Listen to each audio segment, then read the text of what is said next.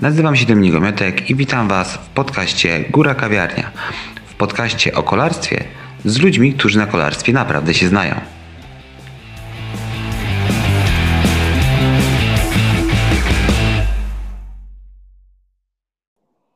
Cześć, witajcie. Nazywam się Dominik Gomiotek i witam Was w kolejnym odcinku podcastu Góra Kawiarnia.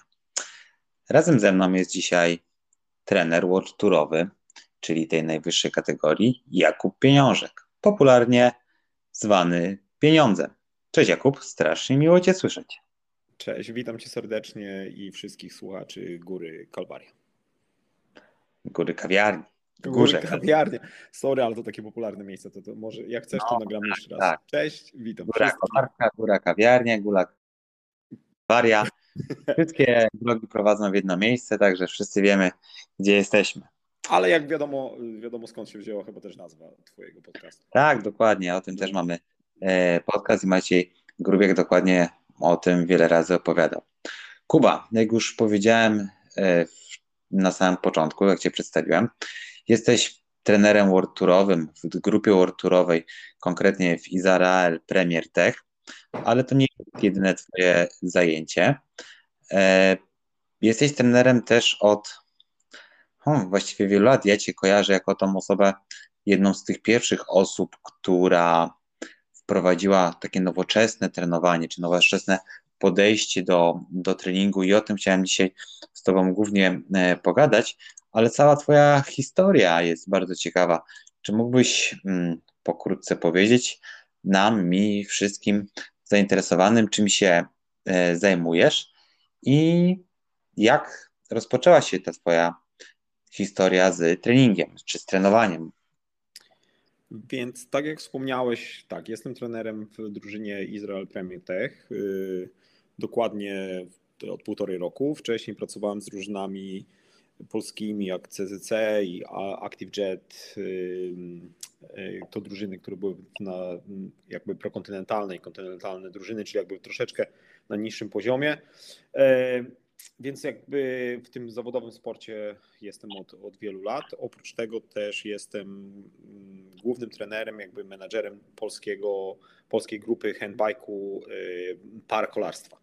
I tym się zajmuję też od, od prawie 10 lat. Od, y, po olimpiadzie, w paraolimpiadzie w Londynie przejąłem kadrę y, polską paraolimpijską, więc jakby w paru, tak troszeczkę w parakolarstwie i w kolarstwie zawodowym.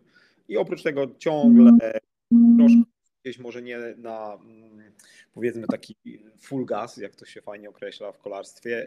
Prowadzę trochę też y, amatorów.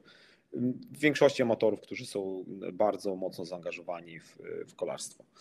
Y, tak jak wspomniałeś też, y, jak to się zaczęło, więc droga jest dość długa, ale oczywiście wszystko zaczęło się od pasji o jeżdżeniu na rowerze.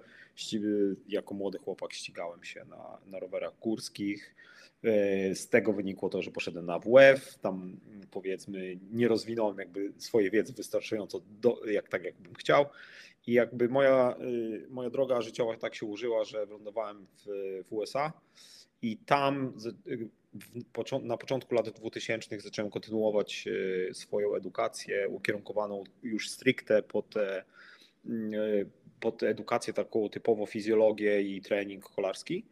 E, I akurat tak się zdarzyło w moim życiu, że to był czas, gdzie mierniki mocy, jakby tak jak wspomniałeś, te nowoczesne technologie wchodziły do użytku takiego bardziej globalnego i, i byłem w dobrym miejscu, w dobrym czasie, żeby tą wiedzę i, i to, te, te, nowe, te nowe technologiczne e, takie dodatki do kolarstwa, których wcześniej nie było, mogłem się tego nauczyć e, z pierwszej ręki i to był jakby ten okres, gdzie dużo na tym zyskałem, że po prostu w odpowiednim miejscu, w odpowiednim czasie i mogłem przywieźć tą wiedzę z sobą do, do kraju po 10 latach pobytu w Stanach.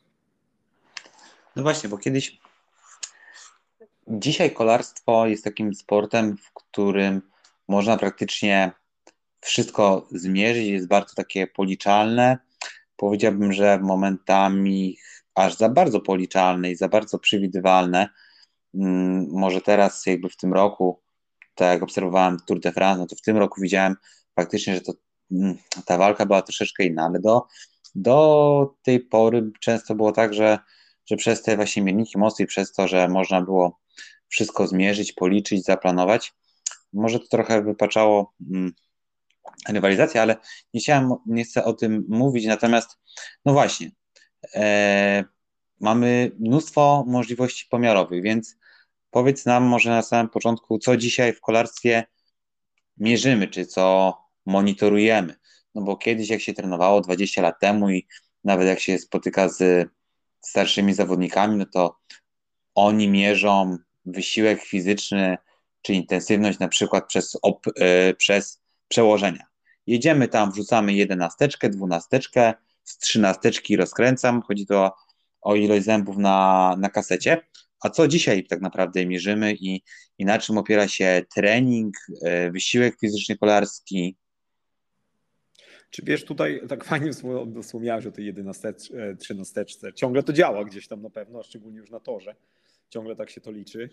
Więc jakby oni. Ale też... na torze, no, bo mamy powtarzalne warunki na tym. No, 11, 11 na szosie jest e, nie, absolutnie nierówna, nie? Tu się trochę śmieję z tego, ale tak rzeczywiście. Więc tu tak jak, jak wspomniałeś, e, tak naprawdę to, mm, wiesz, jeżeli chodzi o te same aspekty pomiarów, to mamy ich naprawdę bardzo dużo, ale oczywiście w tej chwili jakby głównymi, głównymi ty, ty, tymi pomiarami, które wykorzystujemy i czy to w kolarstwie zawodowym, czy, czy amatorskim, to jest ciągle pomiar tętna i oczywiście ten bardzo popularny pomiar e, mocy.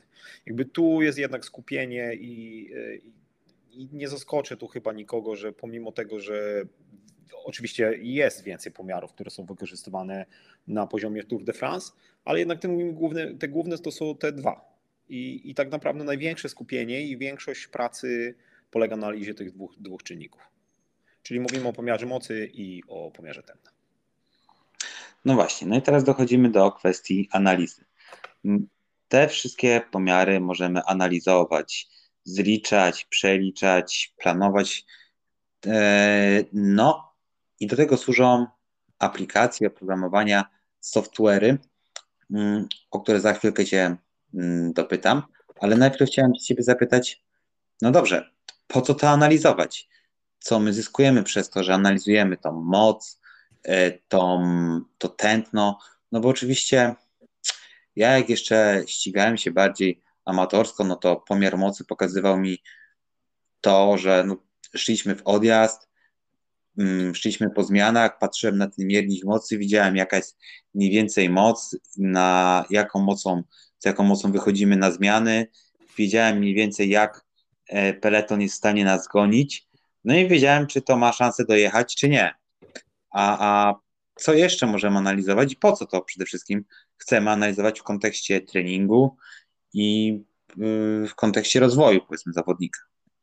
Wiesz, no tutaj to jest tak, e, poruszasz taką poważną kwestię odbioru tego, po co na tym rowerze tak naprawdę jeździmy. Czy to jeździmy dla samego siebie, żeby czuć się lepiej, żeby być zdrowszym, żeby być chudszym i mieć, utrzymywać lepszą wagę i przy okazji sobie może lepiej e, układać też dietę i mieć fajny lifestyle. Czy się skupiamy bardziej na progresie i podchodzimy poważnie do tego. Więc e, no nie da się ukryć, że, mm, że analiza, analiza pomiaru mocy prowadzi do tego, że, no, że głębiej jesteś w stanie zrozumieć swój wysiłek fizyczny i też wysiłek fizyczny, który polega na, na metabolizmie, metabolizmie podczas wysiłku i podczas różnych stref, e, stref wysiłkowych. Tak jak wspomniałeś, nawet byłeś w stanie, byłeś w stanie określić, e, czy dojazd dojedzie, czy nie dojedzie i jakby tutaj, e, wiesz, kwestia analizy progresu i tego, albo, albo też przemęczenia, no jest bardzo, bardzo ważna, jeśli naprawdę podchodzimy do tego nawet hobbystycznie, ale poważnie, e, jakby skupiamy się na tym, więc e, jest to też fajna, myślę, zabawka dla ludzi, dla, szczególnie dla amatorów, żeby samemu się napędzać i gonić te numery. Tak naprawdę, wiesz, niektórzy może za głęboko wchodzą w, w, ten temat i skupiają się tylko i wyłącznie na tym, ale jest to naprawdę urządzenie bardzo przydatne w naszym procesie treningowym. I tutaj jakby chciałbym się skupić na tym słowie procesie treningowym, no bo jednak to o to chodzi, a nie o to, żeby po prostu, jeżeli ktoś chce jeździć na rowerze i mieć z tego fan i nawet stawać się lepszy, no tego nie potrzebuje, no umówmy się. okay, czyli jeżeli mógłbym tak to podsumować, to ta analiza daje nam to, że trening jest bardziej efektywny i ukierunkowany na pewne osiąganie progresu, tak? Dokładnie. Ok, to teraz powiedz, jeżeli mogę Cię zapytać, czy no jak dużą mamy przewagę, czy jak, jak to jest ważne, no bo kiedyś tak się tego nie rozpatrywało, no i wychodziło się na trening, robiło się, e, robiło się trening i się w, i się poprawialiśmy. Generalnie mm, wśród starszych zawodników panuje taka e, opinia, czy jest to taki, mm, mm, taka, taka teza, która jest powtarzana, że no, czego by się nie robiło, to przez pierwsze 10 lat jazdy na rowerze, przez pierwsze 5 lat jazdy na rowerze i tak się będziesz poprawiać, i tak się będziesz poprawiać. E, a co nam daje ta, ta analiza tych, tego tętna, e, mocy? Wiesz co, to jest fajnie to powiedziałeś, że przez pięć, pierwsze 5 lat powiedzmy, E, że i tak będziemy się poprawiać, nieważne co się będzie działo. I to chyba ja chyba dlatego zostałem trenerem w życiu, bo rzeczywiście jak, jak zaczynałem ja e, ściganie się na rowerach górskich, no to powiedzmy, że po paru lat, nie dwóch, trzech latach chyba dorwałem się w końcu do, do pomiaru tętna Polara, gdzie sobie spisywałem ręką w książce. O, ale teraz poruszyłeś temat. I, i jak, tak, Pamiętam, w ogóle te lata 2000 to 2000 to marzenie każdego każdego zawodnika posiadanie Polara. Znaczy, miałem w 95 roku i on miał możliwość zapisywania co 3 sekundy, yy, oczywiście na ekranie, i to trzeba było ręką sobie wtedy spisać do wykresik sobie zrobić ołówkiem. I jakby to już była przewaga, bo tak naprawdę wiesz, no na czuja było ciężko cokolwiek zrobić, szczególnie jeżeli się nie miało, yy, jak ja pochodzę z mojego miasta, z Przemyśla, z Polski, nie miałem żadnego mentora albo trenera prawdziwego w tamtych czasach, który powiedzmy nawet by mi mógł powiedzieć mm, ze swojego doświadczenia z poprzednich lat, w jaki sposób to powinno być rozgrywane. Więc naprawdę nie wiedziałem nic i ten Polar jakby otworzył mi oczy powoli. Więc teraz y, tak mówisz o tej przewadze y, treningowej, o posiadaniu tego pomiaru tak naprawdę to wiesz, z tą przewagą to już troszkę chyba nie do końca tak jest, bo z tego jak ja widzę, jak środowisko kolarskie wygląda, to praktycznie chyba już 90% ludzi ma ten pomiar mocy. Ja już nie wiem, jakie są mm, realia procentowe, jeśli chodzi o kolarzy zaangażowanych, takich amatorów. No ale zdecydowanie dużo osób posiada, posiada ten miernik. I jakby tutaj, mm, wiesz co, bo jak, temat jest bardzo szeroki, to, to prawda. Tylko, że ten miernik mocy, jakby na początku, jak zaczynałem z tym pracować, yy, czyli 20 lat temu, to moim największym mm, plusem, jakby, który widziałem od, od, od rozpoczęcia pracy z tym, że ten pomiar to mi tak pokazywał naprawdę, y, szedłem na trening, wiedziałem, że mam powiedzmy pojechać 250 y, watów i 250 watów jest tyle do, każdego dnia co 250 watów, a niestety tętno reaguje na zmęczenie, na niewyspanie, na, na to ile kofeiny zażyliśmy, czy wypiliśmy butelkę whisky albo butelkę wina i jakby potężne, a jednak fizjologiczne oddanie w watach typu jest, jest całkowicie stabilne i, i to było dla mnie jakby numer jeden był taki, że po prostu wiedziałem, czy w danym dniu nadaje się do wykonania danego zadania, czy nie. I jakby korelacja pomiędzy odczuciem, y, które, które posiadałem jako, jako kolarz, a tym, co widziałem na monitorze, była dla mnie numerem jeden. I ja myślę, że to jest ciągle podstawa y, tego pomiaru. Czyli znów trochę tak zbiorę w całość.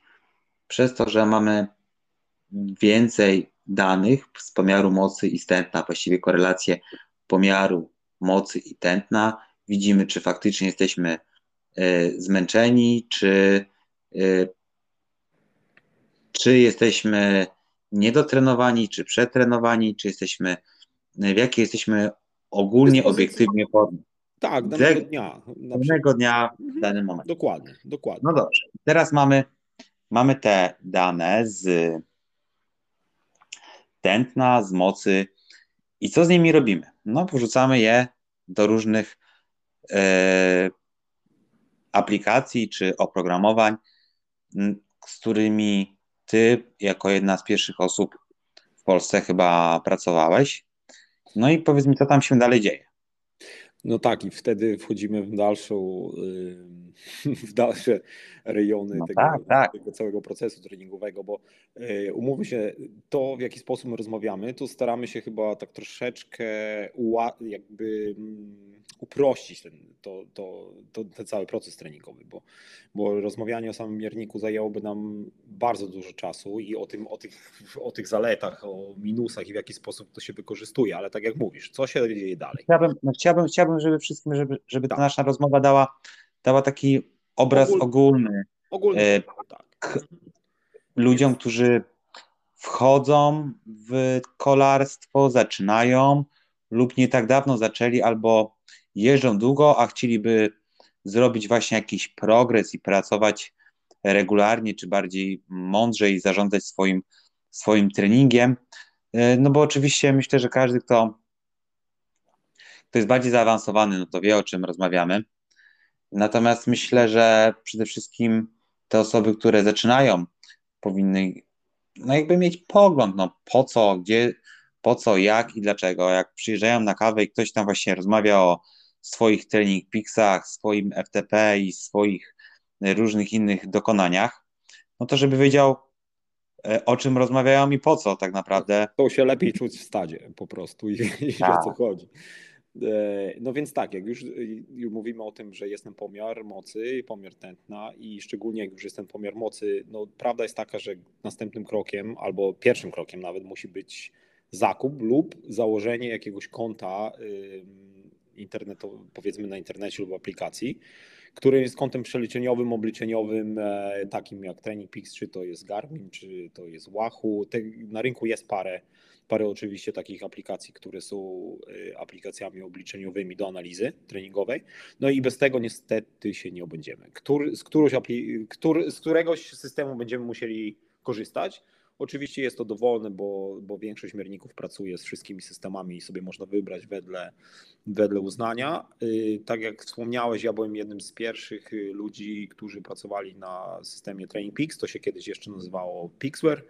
Dokładnie. I tak, to był, to był prawdopodobnie pierwszy software, oprócz SRM-a software'u, mm, który był bardzo nie jakby to powiedzieć, nie chcę powiedzieć, że nie ludzko zbudowany dla klienta, ale był bardzo, naprawdę bardzo nieczytelny. SRM był pierwszy z tego co pamiętam, ale jednak y, Amerykanie tworząc system Training Peaks uderzyli idealnie w to, czego potrzebowali kolarzy czy triatloniści. I tak, ten system się rozbudowuje od ponad 20 lat i to jest jakby, dla mnie jest on najlepszy ze względów komunikacyjnych i tego, jak go znam. Więc co się dzieje mm, po, po zgranym treningu do systemu? Dostaniemy, dostajemy bardzo dużo wykresów, oczywiście od tego, ile y, od nas zależy, ile, ile tych wykresów chcemy zobaczyć albo analizować, mm, czy robimy to sami, czy z trenerem, ale te nasze dane podstawowe są przeliczane wedle naszych progów fizjologicznych na pewne y, punkty stresu, punkty intensywności, więc daje to powiedzmy, po, po, szczególnie po pewnym czasie treningowym, nam szeroki obraz tego, co naprawdę robimy w treningu.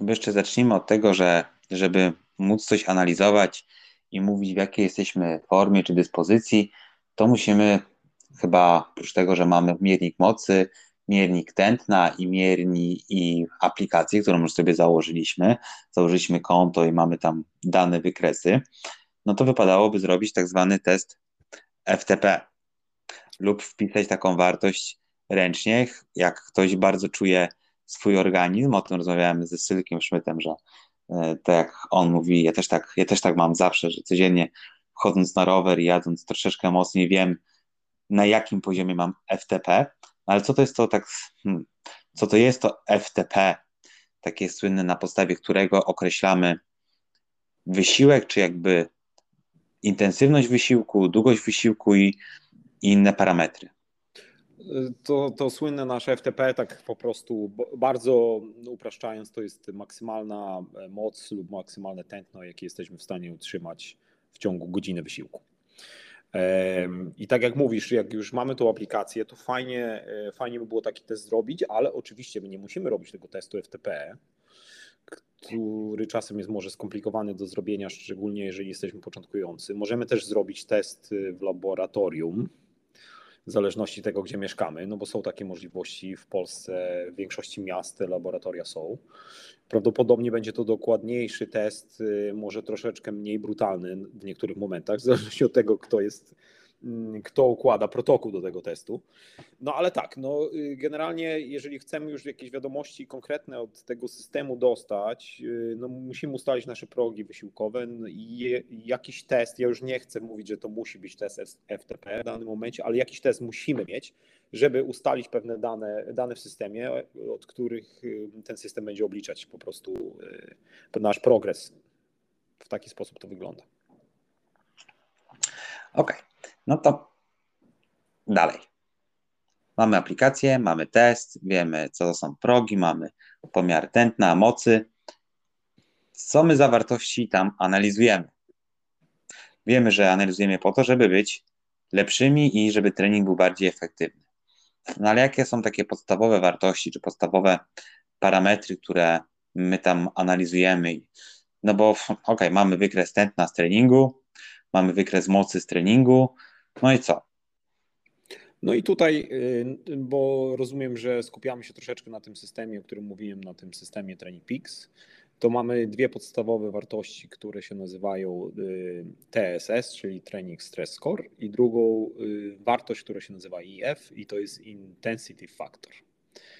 Więc tak e, upraszczając, e, Intensity Factor to jest intensywność treningu, czyli generalnie Ciężko jest powiedzieć o algorytmie, który to oblicza, ale jakby samo słowo intensywność treningu jest bardzo, bardzo dobrze oddaje, oddaje mm, jakby całe rozumienie tego, tego określenia.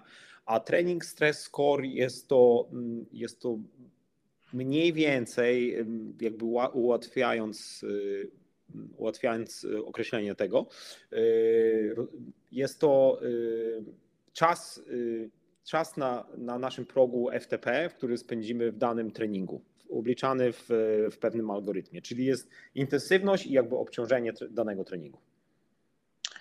Okay. trochę.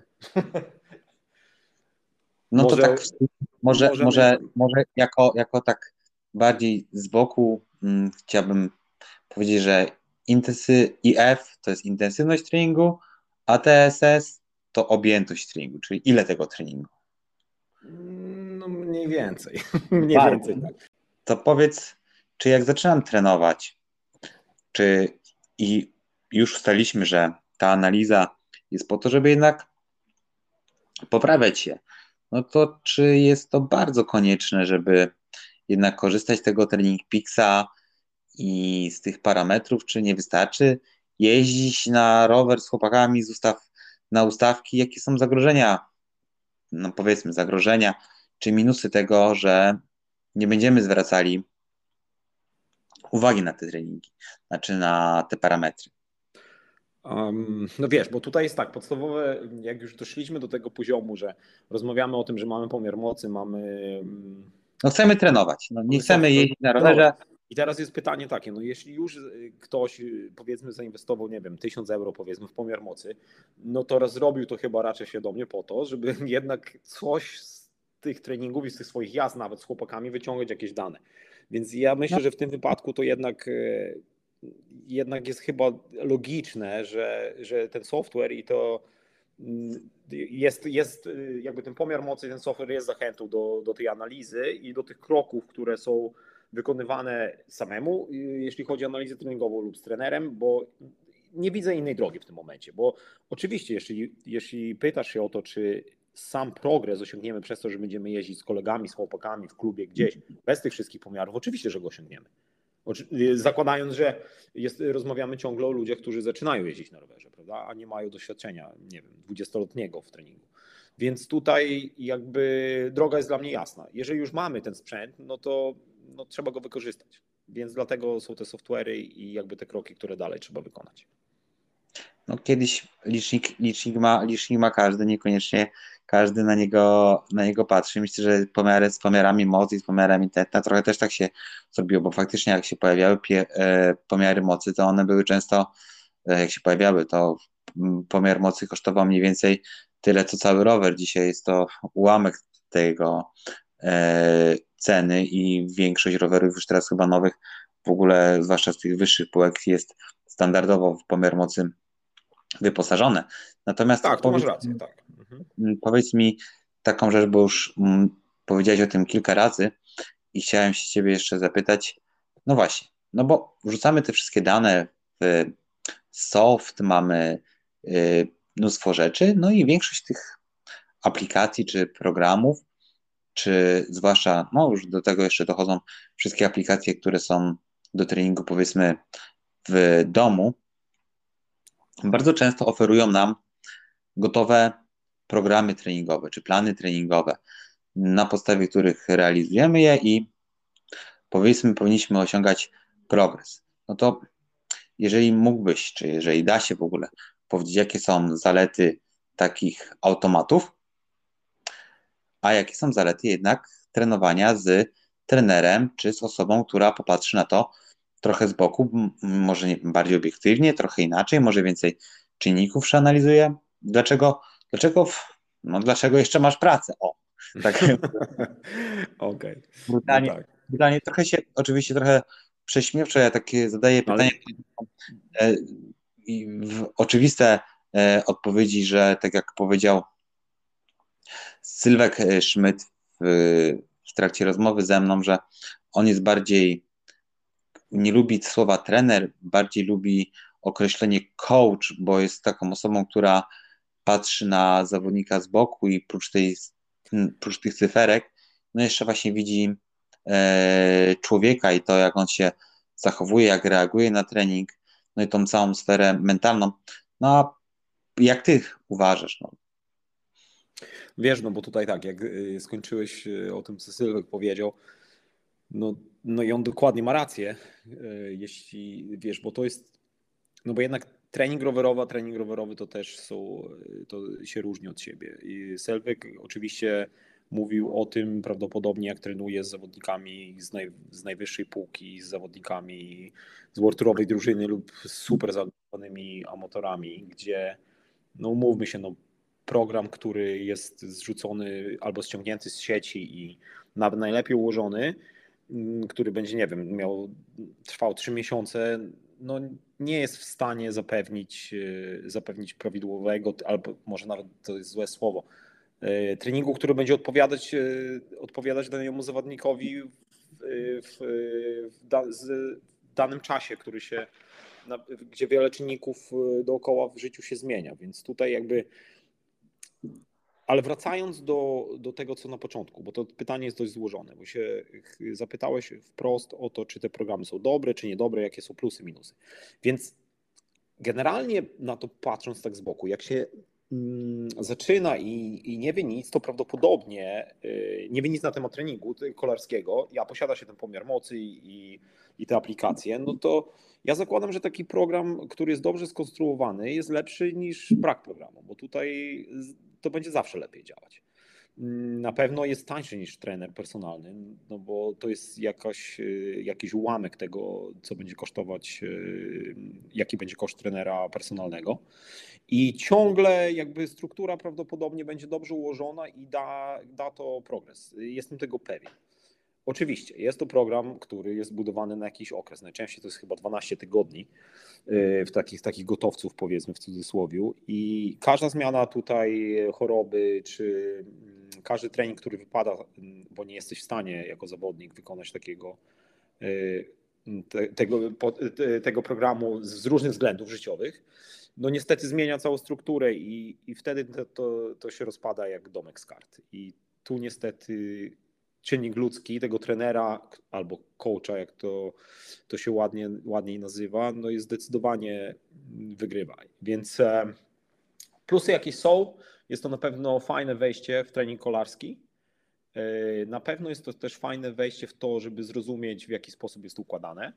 Myślę, że to jest ciekawe jest to tańsze i ja bym nawet może i polecał, tylko oczywiście ma swoje bardzo duże, y, duże limity. Tak to wygląda z, mo z mojej opinii. No dobra. Mamy te dane, ale chcemy sobie zaplanować trening.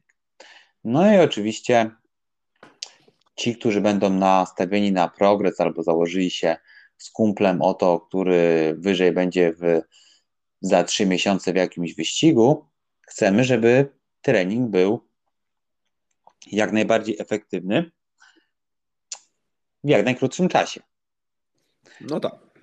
No i właśnie. No i teraz powiedz mi, nam, jak to zrobić, żeby ten trening zoptymalizować. No bo po to chyba trenujemy, czy po to nam też są te wszystkie aplikacje i oprogramowania, żeby ten trening był optymalny i najbardziej efektywny, jak się tylko da, żebyśmy nie, no nie tracili czasu. O, tak powiedzmy, że żona i ktoś, ktoś powiedział, że mm, tria, zresztą chyba były nawet takie badania naukowe, że triatlon jest najbardziej rozwodowym, rozwodowym y, sportem e, na świecie.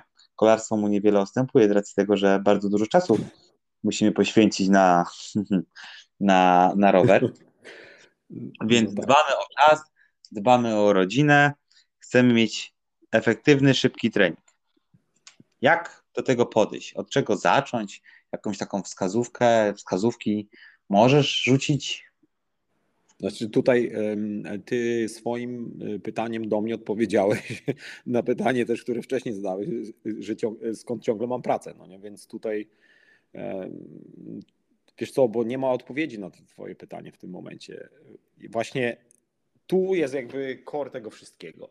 W jaki sposób zoptymalizować w jak najkró- najczęściej takie jednak pytanie jest w jak najkrótszym czasie, żeby osiągnąć jak najlepsze wyniki z jak, jakby najmniejszym nakładem czasowym. I to jest szczególnie problem amatorów. I tak jak też fajnie mówisz o tym, że nie wiem, czy były badania na ten temat, czy triatlon jest najbardziej rozwodową dyscypliną świata. No, ja to bez badań chyba tak z mojego środowiska mogę powiedzieć, że raczej tak.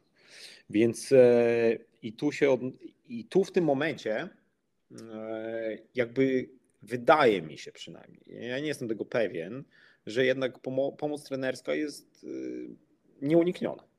No bo jeżeli się dopiero w tym świecie pokazujemy jako now, nowi zawodnicy i chcemy ułożyć swoją karierę menedżerską y, z treningiem, który trwa 10 do 12 godzin w tygodniu, jeszcze z polską pogodą i ogarnięciem dzieci dookoła tego wszystkiego, no to jednak bez kogoś, kto jest w stanie nam to jakoś w miarę rozsądnie poprowadzić, jeszcze żeby to miało sens fizjologiczny i treningowy, no to ciężko chyba jest wtedy to zrobić, bez samemu tak po prostu. Okej, okay. miałem, miałem Ci zadać pytanie, ile TSS-ów tygodniowo powinniśmy robić, czy jak, ob, jakie duże obciążenie powinniśmy zadać naszemu ciału, żeby było najbardziej optymalnie.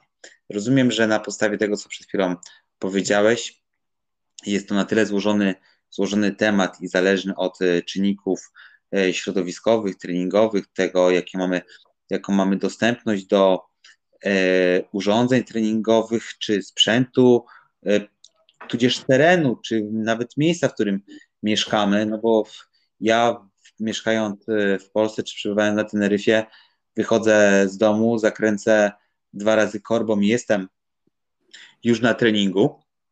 Natomiast jak ktoś mieszka w centrum Warszawy, to nim on wyjedzie z tej Warszawy, to często już powinien wracać do domu, nie?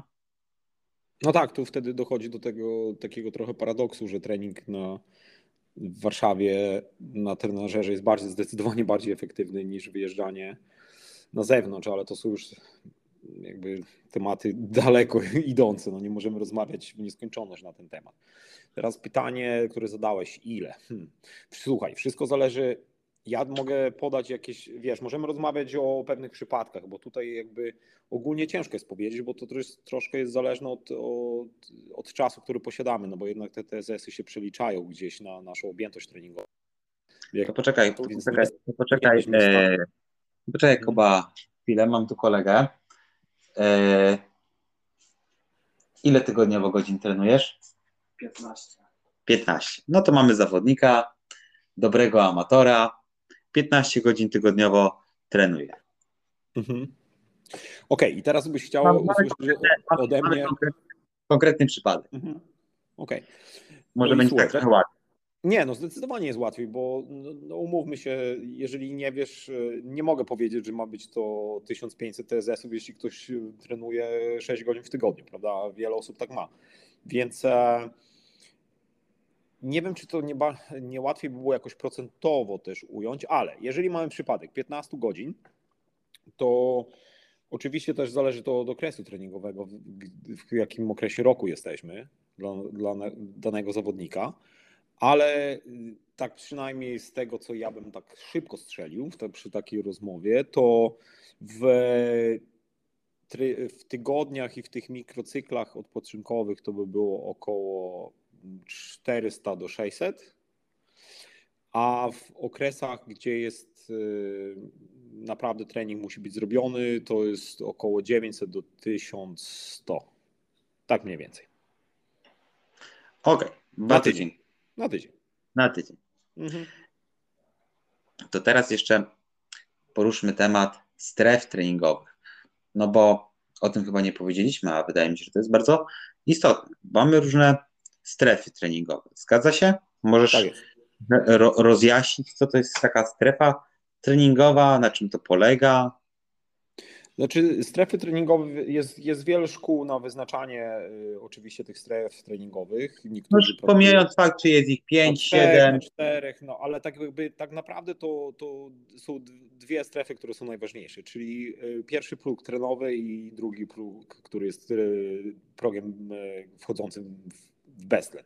I tutaj ja mówimy o strefie, która jest całkowicie strefą y, przemiany, y, przemiany tlenowej i to, się naj, to jest najczęściej nazywana strefa druga, trzecia. I y, ten próg FTP, który jest oznaczany jako strefa pomiędzy trzecią a czwartą. Także mamy dwa progi wysiłku i dwa progi metabolizmu, gdzie jesteśmy albo kompletnie kompletnie jakby zaspokojani tlenowo w wytwarzaniu swojej energii, albo mamy następne przejście jakby w tym pro, powyżej progu FTP, gdzie zaczynamy korzystać z energii z przemian mieszanych. I, i to są takie dwa, dwa podstawowe czynniki i potem możemy to rozbić sobie naprawdę na, pomiędzy 4 a 10 stref bez żadnego problemu, ale to już w zależności od trenera, systemu przeleczeniowego i tego, w jaki sposób pracujemy. Ok. Wiemy, to, co nam powiedziałeś do tej pory, to to, że tak naprawdę warto jest trzymać się, jak zaczynamy trening, warto jest trzymać się takich gotowców, które nam program wyliczy i to nam da, może dać spory efekt. E, kolarze, powiedzmy, troszeczkę starsi, powiedzą, że żeby jeździć, trzeba jeździć i to wszystko. Mm, żeby trening był efektywny i bardzo i żebyśmy z niego wyciągnęli maksymalnie dużo w maksymalnie krótkim czasie, to jednak potrzebujemy kogoś, kto się na tym zna i będzie w stanie przeanalizować wszystkie te czynniki i dobrze to dopasować na podstawie raz, że analizy tych czynników, o których powiedzieliśmy, czy danych, o których powiedzieliśmy, trybu życia i no przede wszystkim też z pewne, na pewno swojego doświadczenia z pracy z zawodnikami. Ale no, powiedzmy, że te wszystkie aplikacje treningowe, tak trochę teraz skoczyłem z tematu, no ale już. Mhm. E, podsumowaliśmy chyba, chyba, że chcesz coś jeszcze dodać do tego. Nie, nie, nie. Tak, ty fajnie też zadajesz te pytania, bo tak sobie róż... chodzimy po różnych, wiesz, strefach tego naszego życia, więc fajnie. Jest okej. Okay. Jedziemy dalej. Wiesz, no kurczę, no. Poradnika nie nagrywamy, to jest podcast, więc jeżeli się, i to pierwsze odcinki, ja nie ukrywam, że dopiero zaczynamy z Maćkiem e, podróż przez podcastowanie czy nagrywanie takich rzeczy, na pewno mam, liczę na to, bardzo liczę na to, że pojawi się mnóstwo pytań, komentarzy i będziemy mogli to rozwijać i doprecyzować. Natomiast mm, no takie podstawy treningu myślę, że, że tutaj poruszyliśmy i każdy, kto będzie tego słuchał, wyniesie z tego jakąś wartość i, i, i będzie wiedział już mniej więcej chyba, jak ten trening, nie wiem, rozpocząć, czy jak go sobie zaplanować, czy jest to dla niego w ogóle, czy nie, czy chce się w coś takiego bawić, czy nie. Ale mm, o czym chciałem powiedzieć, czy chciałem zapytać, poruszyć taki temat. Aplikacje typu Zwift. No jest to aplikacja do treningu e, w pomieszczeniu na trenażerach. No i w, jest taka tendencja, że w tych aplikacjach raczej pomija się czy bardzo mało zwraca się uwagi na taką drugą strefę. Czyli powiedzmy, kto to takie już trening, a jeszcze nie odpoczynek, ale taki bardzo, bardzo umiarkowany trening. Jest albo zero, albo bardzo mocny. I czy możesz się do tego odnieść? Czy znać takie, opinię na, na, ten temat. Takie podejście, czy takie podejście do treningu jest odpowiednie, czy nie? No okej, okay, na pewno na pewno jeżeli ktoś jest bardziej zaawansowany, to już wie, że no, to na pewno nie dla niego, ale dla osoby początkującej. Takie zero-jedynkowe podejście do treningu. Znaczy wiesz, tutaj na pewno, y, wiesz, podcast jest też po to, żeby mieć więcej słuchaczy, więc ci może ich naciągnę, bo będzie to kontrowersyjne, no bo zdecydowanie ten, taki, takie podejście to no, nie jest tym, co bym zalecał. I teraz y, może, wiesz, wielu osobom nadepnę trochę na, na odcisk, ale tak jak ty mówisz, że strefa druga, e, taki trening, nie trening, ale tak naprawdę strefa, druga strefa prawidłowo wykonana to jest jeden z podstawowych rzeczy, jaką można w kolarstwie zrobić. Ale niestety biznesowo by się to nie zgadzało, no bo umówmy się, no jakbyś zbudował biznes jeżdżąc, patrząc w telewizor i ciągle jadąc 160 watów, powiedzmy, E, przez dwie godziny i to by miał być twój entertainment. No, no nie przejdzie to, no nie. Gdzie oczywiście nie chciałbym powiedzieć, że jakby samo zaangażowanie w Zwift i w te treningi to jest coś złego, bo to też nie jest złe, bo fajniej to robić niż w ogóle nic nie robić. No to nawet nie ma o czym mówić. Ale jeśli chodzi o jakby core takiego przygotowania kolarskiego, no mówmy się, że no to nie jest tędy droga. Bardzo dziękuję. Takiej, takiej odpowiedzi oczekiwałem zresztą. Okay. Nie. nie wiem, jakie oczekiwałeś, no ale no tak Akurat tu no. mogę trochę się rozpędzić na temat tych właśnie układanych treningów, no, ale to spokojnie, to jeszcze dojdziemy do tego. W odcinkach, kiedy poruszam, że tak powiem, wymądrzam się na tematy, na których znam się najlepiej, czyli na fizjologii, anatomii i na e, układzie ruchu i leczeniu e, ciała, no też dużo rzeczy, że tak powiem, obalam, no bo niestety, no tak, tak dziwnie, tak w takich dziwnych czasach przyszło nam funkcjonować, że badania naukowe badaniami naukowymi E, mamy na coś dowody, mamy na coś papiery, a świat i tak idzie w drugą stronę. No tak to wygląda. Ale tu już jak mamy zapalić taki mocny temat, to mogę Ci powiedzieć, na, to już akurat rzecz, która mi najbardziej jakby mm, mi nie pasuje, to akurat w tym software'ze, w którym pracuję, w Training Peaksie, to są te treningi, które są układane tak blokowo, które się wgrywa w Garmina i potem ludzie jeżdżą z tym jak barany trochę, przepraszam, że tak powiem. Ale chyba wiesz, o czym mówię teraz, tak?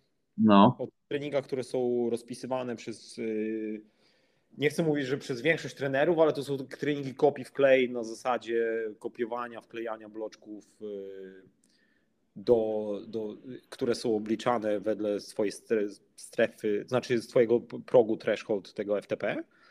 Mm, y, fajnie biznesowo, to już a propos właśnie tego Zwiftu, że fajnie biznesowo to działa, tylko że no po prostu ja jakoś sobie nie wyobrażam, wrzucenie na przykład takiego treningu dla zawodnika worturowego, który ma przejechać 5 godzin i mu będzie Garmin pikać, że co tu za 20 minut musi jechać tak, tam coś. Nie do końca czaję o co chodzi, ale zdecydowanie Training Peaks poszedł drogą taką Zwiftową, że jest wszystko, obciążenia są ustalone z góry i wszystko idzie co do sekundy, co nie ma odzwierciedlenia oczywiście w realności na zewnątrz, no nie? Także to połączenie też mi się nie podoba. Moim pomysłem, czy moją, moim celem na ten podcast jest rozmowa z ludźmi, którzy mają wiedzę, mają wykształcenie, mają w moim odczuciu i są odpowiednimi osobami w odpowiednim miejscu i z których i z którymi, od których warto się uczyć i czerpać wiedzę.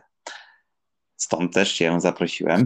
Dziękuję. E, bo bardzo cenię to, co, to, co robisz. Natomiast mam takie wrażenie, naprawdę nie chciałbym nikogo ani obrażać, ani e, no, że nie chciałbym, żeby, żebyśmy byli tutaj źle odebrani, ale wydaje mi się, że w wielu przypadkach, no bo teraz jest generalnie strasznie popularne posiadanie trenera e, kolarskiego i większość osób posiada trenerów kolarskich, trener mi rozpisał, trener mi wpisał, e, to mam w planie, tam to mam w planie. I mam takie wrażenie, że w tych planach treningowych często jest więcej takich na siłę jakichś udziwnień, które prowadzą no nie wiem do czego tak naprawdę. No typu y, jedną nogą kręcisz, potem drugą nogą kręcisz. No tak, no różne rzeczy są, to prawda.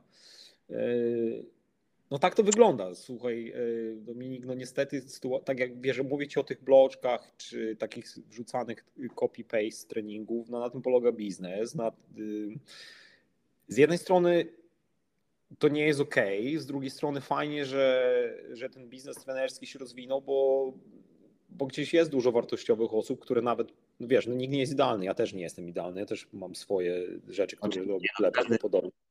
No, ale, Więc, ale, ale rozwijasz. ten rynek jest większy, fajnie, że tych ludzi jest więcej, no bo wyobraź sobie, no okej, okay, byłoby trzech trenerów w Polsce, no i jak, no nie byłoby dostępności, prawda? Więc nawet jeśli to nie jest zrobione tak, jak ja bym sobie wymarzył, albo jak ja bym to zrobił, to ciągle ci ludzie mają dostęp do większej wiedzy i, jakiegoś prowadzenia. I oczywiście czasem jest to udziwniane.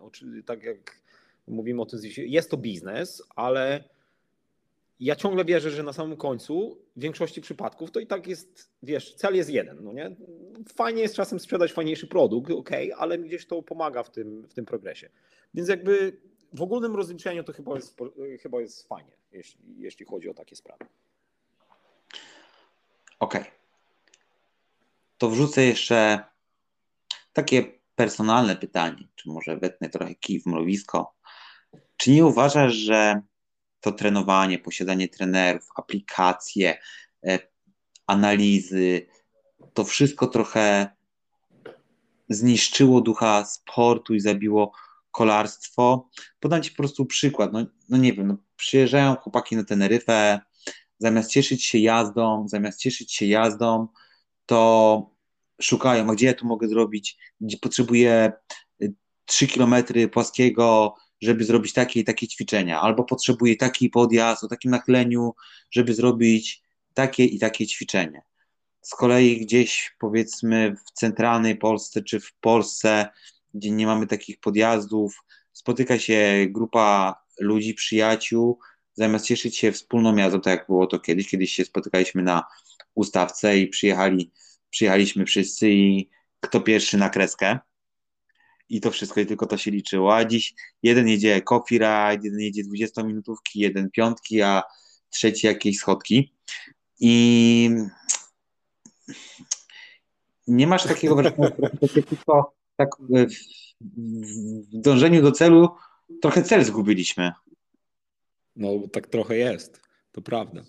No bo tu jest, wiesz, no to jest skomplikowany temat, no nie? No bo tak naprawdę, no, ja wiem, dlatego jeżeli, mówię, jeżeli taki dany chłopak, który jest na ten temat, ma swojego trenera, no trener jest jednak jego mentorem, jakby go słucha, no trudno mu, mu nawet nie chodzi o to, że sprzeciwić, ale teraz jest kwestia, jak bardzo ten trener jest personalny, jak ten trener jest bardzo obeznany w tym, co się dzieje na Teneryfie, albo w ogóle y, w kolarstwie czasem, no bo to jest też pytanie i oczywiście, że to jest pewną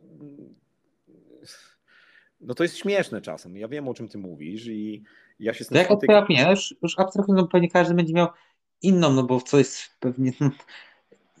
Adam Probosz kiedyś bardzo bardzo mądre zdanie mi powiedział, bo zarzuciłem, powiedziałem mu kiedyś, że mi, mi, się to, co się dzieje z kolarstwem i ogólnie sportem, powiedziałem mu, że po prostu mi się nie podoba, że mm, nie lubię tego i jakby jestem tego przeciwnikiem i bardzo mi to denerwuje, wręcz przeciwnie, tak, tak, mhm. takie było moje zdanie kiedyś i on powiedział jedno zdanie, słuchaj, tamto kolarstwo nie wróci, więc albo pokochaj nowe, albo daj sobie spokój.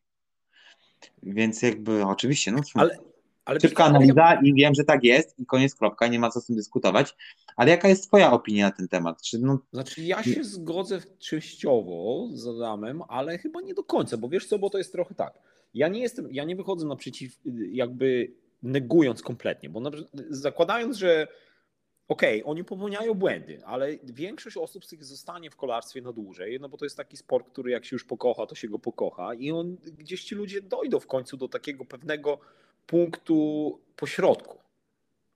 I ja ze, swojego, ze swojej autopsji znam wiele takich przypadków, że oni dochodzą do tego punktu pośrodku, gdzie są w stanie już zrozumieć, jaka jest różnica pomiędzy trenowaniem a wyjazdem i treningiem gdzieś, gdzie jest te, teren nieznany albo wykorzystanie jest terenu.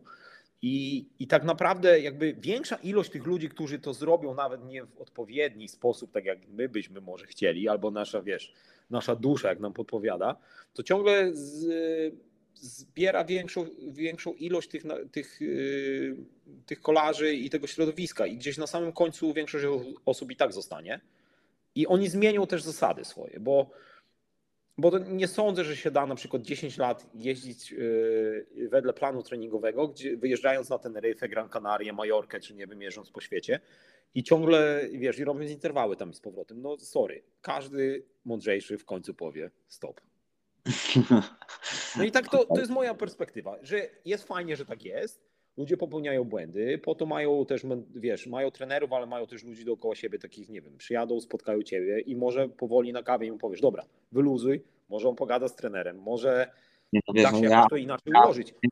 Ja absolutnie się za mentora, mentora nie uważam. Kiedyś, kiedyś może bardziej próbowałem świat naprawiać i tłumaczyć, i tłumaczyć ludziom, natomiast jakby uważam, że to ja też wiem, że sam, że sam błędy popełniłem, bo jakby to nie moja rola, żeby kogoś, żeby kogoś uczyć, e, kogoś uczyć kolarstwa, niech każdy... No tak, ale Dominik, ale czy jak nie twoja?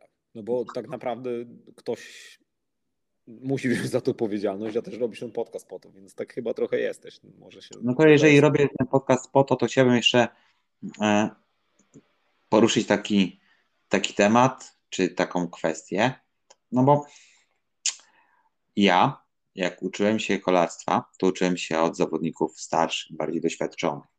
Przyjeżdżałem właśnie, nie było góry kawiarni, więc jeździłem do sklepu rowerowego, do Krzyśka Sujki i tam słuchałem mądrych ludzi, jak jeździć, co robić, czego nie robić.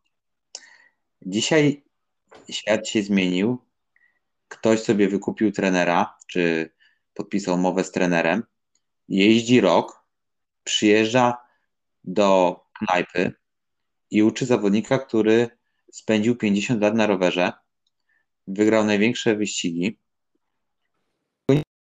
nie interesuje się kolarstwem i historią kolarstwa, ale radzi temu człowiekowi, czy wręcz poucza tego człowieka, jak ma trenować. Patrząc na to z boku, no kurczę, tak siedzę i obserwuję. Nie wiem, czy to w dobrą stronę poszło. No wiesz, to jest Kurde, to jest. Wiesz, ja na przykład osobiście. Ja wiem, co ty czujesz, no, nie? no bo tu jest jednak e, kwestia historii naszego tego sportu i. i... Ja, tylko, ja tylko jeszcze jedno pytanie. Czy czujesz tak samo, czy nie? Myślę, że w połowie drogi jestem z tobą. Bo tutaj jest, wiesz, to jest e, rozgraniczenie, bo ja wiem, że z jednej strony jest jakaś taka. Mm, że to nie jest fajne i teraz jest też kwestia tego nowego zawodnika, który wiesz też ma taką osobowość, że poucza tamtego, no nie? I tutaj jest jakby przypadek ludzki, bo ta młoda osoba nie powinna być taka, wiesz, do przodu, hej i pouczać kogoś, bo to taka jest prawda, no nie? Ale to, że ktoś na przykład jest nowy w sporcie i w ciągu dwóch lat może być niesamowitym zawodnikiem, to jest, to jest inne otwarcie w tym sporcie. No nie, nie, nie, ale okej, okay, dobra. To może ja. ja, ja, ja, ja mówię teraz, no nie? Jakby te zmiany ja potężne. Nie do, końca, nie do końca doprecyzowałem, bo jeszcze czym innym jest, jak nie wiem, jakby przyjechał, przyjechał obok mnie, przyjechał e, mm, i usiadł w takiej knajpie Pogacza, który relatywnie jeździ okay. mało krótko. Okay, no, no, tak, tak, tak. Okay, to o tym mówisz, dobra. Czy, czy Remko, ale umówmy się, no kurczę, jego wyniki, czy jego osiągnięcia yy, no bije pokłony, tak? Mhm. Tak? No tak, aha, to już, to już wiem, do czego dążysz teraz. No ale wiesz co, ale to się też... Ja będę robił, ale jeżeli ktoś, jeżeli ktoś przejechał, e, przejechał w życiu tyle wyścigów, ile ta druga osoba, że tak powiem, pouczana e, w sezonie wygrywała, no to gdzieś te proporcje się zachwiają. Znaczy... Ale no tak, no to okej, okay, to dobra, teraz rozumiem pytanie do końca. No słuchaj. Może to... trochę, może trochę jakby teraz filozofuję i za bardzo i no za nie, bardzo... no ja wiem o czym ty mówisz. Ale no, wiesz, no chodzi, chodzi mi o to, że to trenowanie, to trenowanie takie na siłę i analizowanie wszystkiego, patrzenie w słupki, jakby prześciganie się, kto, co.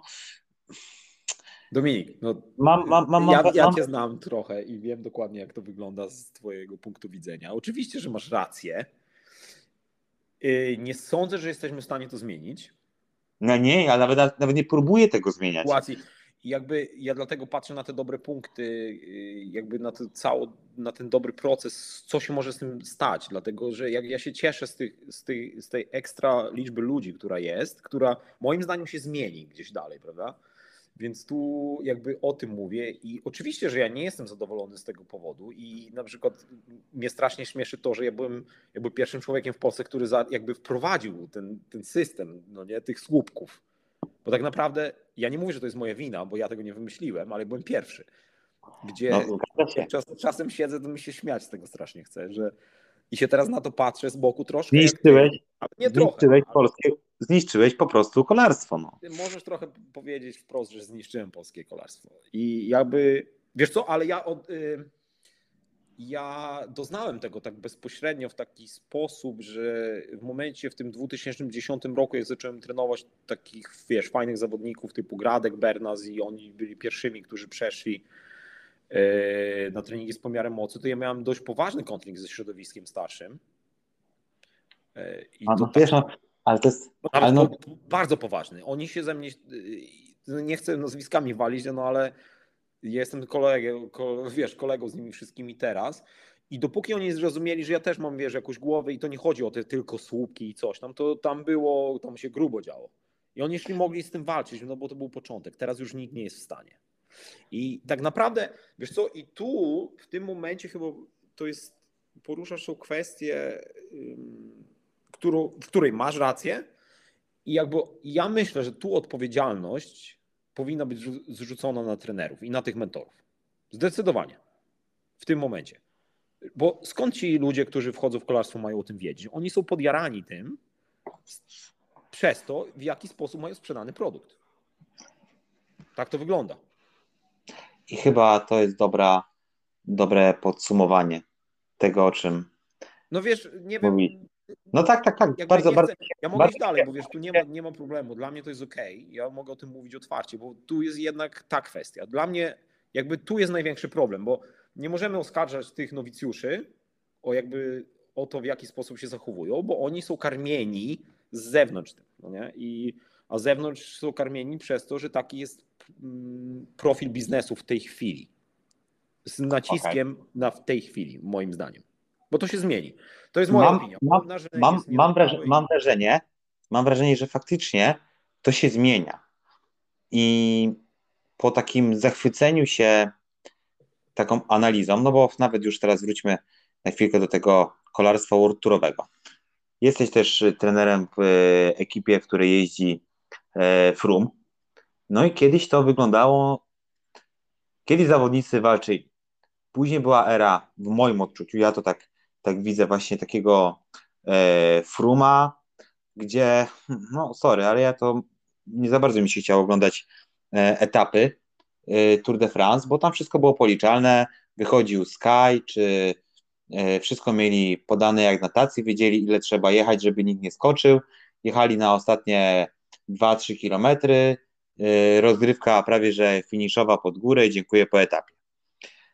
E, Patrząc po tym, co się działo dzisiaj w, w tym roku na Tour de France i w tych ostatnich latach, gdzie te ataki były naprawdę takie kurcze, no nieprzewidywalne, takie karkołomne i często jakby kończące się sukcesem, no to tak stwierdziłem, że to kolarstwo się z powrotem zmienia w taką fajną stronę. To jest oczywiście moje odczucie i moja perspektywa widzenia. I, i, I to, o czym powiedziałeś wcześniej, faktycznie ja mam takie wrażenie, że to, że ten sport jakby troszeczkę, że nawet tym młodym zawodnikom, którzy teraz wchodzą w ten świat kolarski, brakuje takiej, tych wartości sportu, tych dodatnych, tych dodanych. No. Wiesz co, okej, to teraz ci zburzę ten dom z piasku bardzo mocno. E, no, nie, nie mogę rozmawiać na temat e, wszystkich konkretów, jeśli na przykład chodzi o Fruma czy no. coś, ale wracając do tego sportu, no nie? No tak, rzeczywiście tak było, że Sky jechał, jechał, niby wiedział ile idzie i teraz jest kolarstwo inne, ale to nie do końca jest prawda, bo to tak szczerze, to jest takie samo, tylko że Sky był pierwszy, który tak naprawdę to wykorzystał aż tak bardzo. I to się dzieje w tej chwili dalej na takich wyścigach jak Tour de France, tylko że przez ostatnie dwa lata mieliśmy troszeczkę e, większe problemy zdrowotne w peletonie, powiedzmy covidy, nie covidy, może nie covid tak aż bardzo na po wszystkich wpływał, ale jednak po tych perturbacjach i zamknięciu wszystkich, kolarze więcej chorują, jest więcej infekcji, różne się dzieją rzeczy zdrowotne i teraz, ale tak naprawdę wszyscy kontrolują tak samo jak Sky, i Sky był też pierwszym, jednym z takich e, zespołów, który aż tak dokładnie trenował i kupował też mocnych zawodników. I, i to, prawda jest taka, że wiesz, no jak sobie postawisz pięciu z przodu, najmocniejszych, a szóstego najlepszego na świecie, no to gdzieś tam i tak musisz wygrać, a kontrola no tak, ale teraz, jest. Teraz... I tak to wygląda. A to, że akurat wiesz, Pogaczar w tamtym roku przegrał i e, no jest jak jest, no nie, no ale bo on może. No, ale ja tak jak... nie. Wydaje mi się, że chory był, no ale to tylko moja opinia ale tak jak mówisz, no jest więcej, jest więcej osób, więcej osób e, jeździ na tym samym poziomie. Sky był pierwszym, czy właściwie no, w moim odczuciu to drugą, drugim teamem, który to, to wykorzystał, bo w moim odczuciu pierwszym był jednak mimo wszystko US Postal, bo to oni zaczęli pierwsi układać te pociągi pod górę. Dokładnie, US Postal, tak, i oni też na watach jeździli, sorry, to masz rację. E, natomiast jakby Kai doszedł do perfekcji, ale już po tych kilku latach inne zespoły, powiedzmy, że ten poziom, tak jak w kolarstwie amatorskim, poziom się w tej czołówce wyrównał zarówno wśród tych najlepszych, najlepszych, jak i w tych na poziomie tych gregario. No i już ten, ta, ta taktyka się nie sprawdza tak do końca i trzeba szukać czegoś innego, jak na przykład ataku z 40 km, tak jak nie w tym roku, tylko w zeszłym roku, tak Pogaczar zrobił to nie na wydawałoby się królewskim etapie, no ale pojechał i na hopkach no tak, zrobił tak. To prawda. To na, na, hopkach, na hopkach nie wcale na najwyższych górach zrobił y, taką przewagę, że dojechał do Paryża i dziękuję. No, mu, musisz pamiętać, że wiesz, jednak y, drużyna Pogaczara, pomimo tego, że jest y, niby z Emiratów, jednak to jest drużyna włoska i tam trochę czasem nie wiedzą, co robią. I myślę, że to była decyzja, ale ja mówię teraz bardzo serio. No nie, E, decyzja od serca i po prostu mniej kontrolowana. No i, i tak wyszło, no nie? Ale pięknie się na to patrzy, no. No tak, to mam, to zdecyd... słuchaj, pod tym względem niech y, masz rację, tak, zdecydowanie masz rację, no nie? A pewnie y, chciałem ci powiedzieć o tym Frumie, bo go bardzo lubię, więc dlatego, jako człowieka, więc dlatego tak chciałem trochę jakby wyrównać sytuację, no nie? Okej. Okay. E, Pytanie jeszcze treningowe. Robić dni przerwy całkowite, czy nie? E, z, z mojej strony zdecydowanie tak. To jak Ale często? To jest, e, to jest tylko jakby moja teoria. Ja jestem na tak. Mam problem z wieloma zawodnikami zawodowymi, takimi, wiesz, zawodnikami, zawodnikami, którzy nie bardzo chcą i robią raz na 30 dni na przykład. Ale jestem no tak. Jak często? Szczerze, y, z większością ludzi, z którymi pracuję, jakby się dogadujemy kompletnie, to raz w tygodniu. Czyli jakby cykl treningowy mamy sześciodniowy. Okej. Okay. I siódmego dnia, niedziela, nic nie robisz. Yy, najczęściej poniedziałek. Czyli niedziela jednak robota, no bo ze względu no ja na wiem, no. Niedzie że... Niedziela to niedziela, nie? Dla kolarza. Nie, ale jednak cykl jest taki do niedzieli, bo niedziela no, jest najczęściej startowa, no więc jakoś tak się jedzie, no nie? Zgadza się, zgadza się. Trochę taka e, śmiechawka mnie ogarnęła. Słuchaj, no dobra, fajnie, bardzo mi się miło z Tobą rozmawiało. Myślę, że moglibyśmy jeszcze gadać i gadać, ale liczę na to, że pojawią się jakieś komentarze, zapytania, tematy, które mm, osoby, które odwiedzają górę kawiarnię chciałyby poruszyć. Więc mam nadzieję, że jeśli się zgodzisz w przyszłości, to jeszcze będziemy mieli okazję pogadać i poruszyć takie, takie tematy. Super, bardzo ci, bardzo ci dziękuję. Na koniec, jak zwykle, każdego z moich e, rozmówców pytam o dwie rzeczy. Jako, że góra kawiarnia, to po pierwsze, jaką kawę pijesz? E, więc tak, rano flat white i okay. po południu flat white i wieczorem flat white. Tak cztery na dzień, trzy, mniej więcej. Okej, okay. No. dobra. I ulubiona góra, ulubiony podjazd. ulubiony podjazd. Wiesz co, ja mam to takie szczęście, że mam podjazd pod domem i, i nie, no jest na Majorce i się nazywa Col de Sacreu. Tak, po, wiem, to nie jest jakiś wielki podjazd, ma chyba tylko 6 km. W żargonie nazywają go Military Hill, ale przez to, że chyba y, robię go z parę razy w tygodniu, no to jest moim ulubionym. Pomimo tego, że, że aż tak często na nim jestem. Okej, okay. bardzo Ci dziękuję. Super mi się z Tobą rozmawiało. Mam nadzieję, że zechcesz jeszcze ze mną się kiedyś nagrać. No i mam nadzieję, że do zobaczenia gdzieś na trasie, wyścigu, może tutaj na Teneryfie. Przyjeżdżasz w tym roku na Teneryfę na zgrupowanie? Lecę na Gran Canaria za dwa dni, także będę blisko Ciebie. Okay. Za trzy niedzielę. Eee, na Teneryfę nie, ze względów niestety logistycznych, bo nie dostaliśmy miejsca w hotelu na, na obóz wysokościowy, e, ale no na pewno się gdzieś spotkamy. A jeżeli chodzi o podcasty, to z chęcią bym się też spotkał za niedługo, nawet jakbyś chciał, i wtedy może porozmawialibyśmy na tematy, które robię na bieżąco, czyli o tych zawodowym treningu, bo tak naprawdę wiesz, przejście po całym spektrum tym treningowym, no nie jest łatwe w jednej rozmowie, no nie? Bo no, nawet, no, nawet... za dużo tego wszystkiego jest. Nie wiadomo, jak to ogarnąć tak naprawdę głową. Dlatego, chciałem, dlatego chciałem zacząć, dlatego chciałem zacząć od początku, a nie gdzieś tam wyrywać. No. Jak się pojawi podcast, zobaczymy, jakie będą jakie będą mm, odzewy, jakie będą komentarze. Mm, nie wytnę tych rozmów naszych filozoficznych o kolarstwie, nie, nie, nie wycinaj, bo to jest bardzo ważne, bo jakby ja, jak pójdziemy dalej i pójdziemy chciałbym zobaczyć, sport, zobaczyć jaka będzie, jaka będzie, jaka będzie reakcja. Mhm. Ale ja z chęcią się podzielę, wiesz, tym, co się dzieje w zawodowym sporcie od kuchni, a tam jeszcze tej filozofii będzie więcej, także w ogóle to może coś fajnego z tego wyjść. No to jak masz jakiś taki konkretny temat, no to dawaj, ja się przygotuję i nagramy. Okej, okay. to coś wymyślimy razem, bo to tak na jednym to nie możemy skończyć. to nie jest niemożliwe. Okej, okay. pozdrawiam Was wszystkich. Okej, okay. trzymajcie się. Dzięki, Kuba. Wszystkiego dobrego. Trzymaj się. Hej. Okej.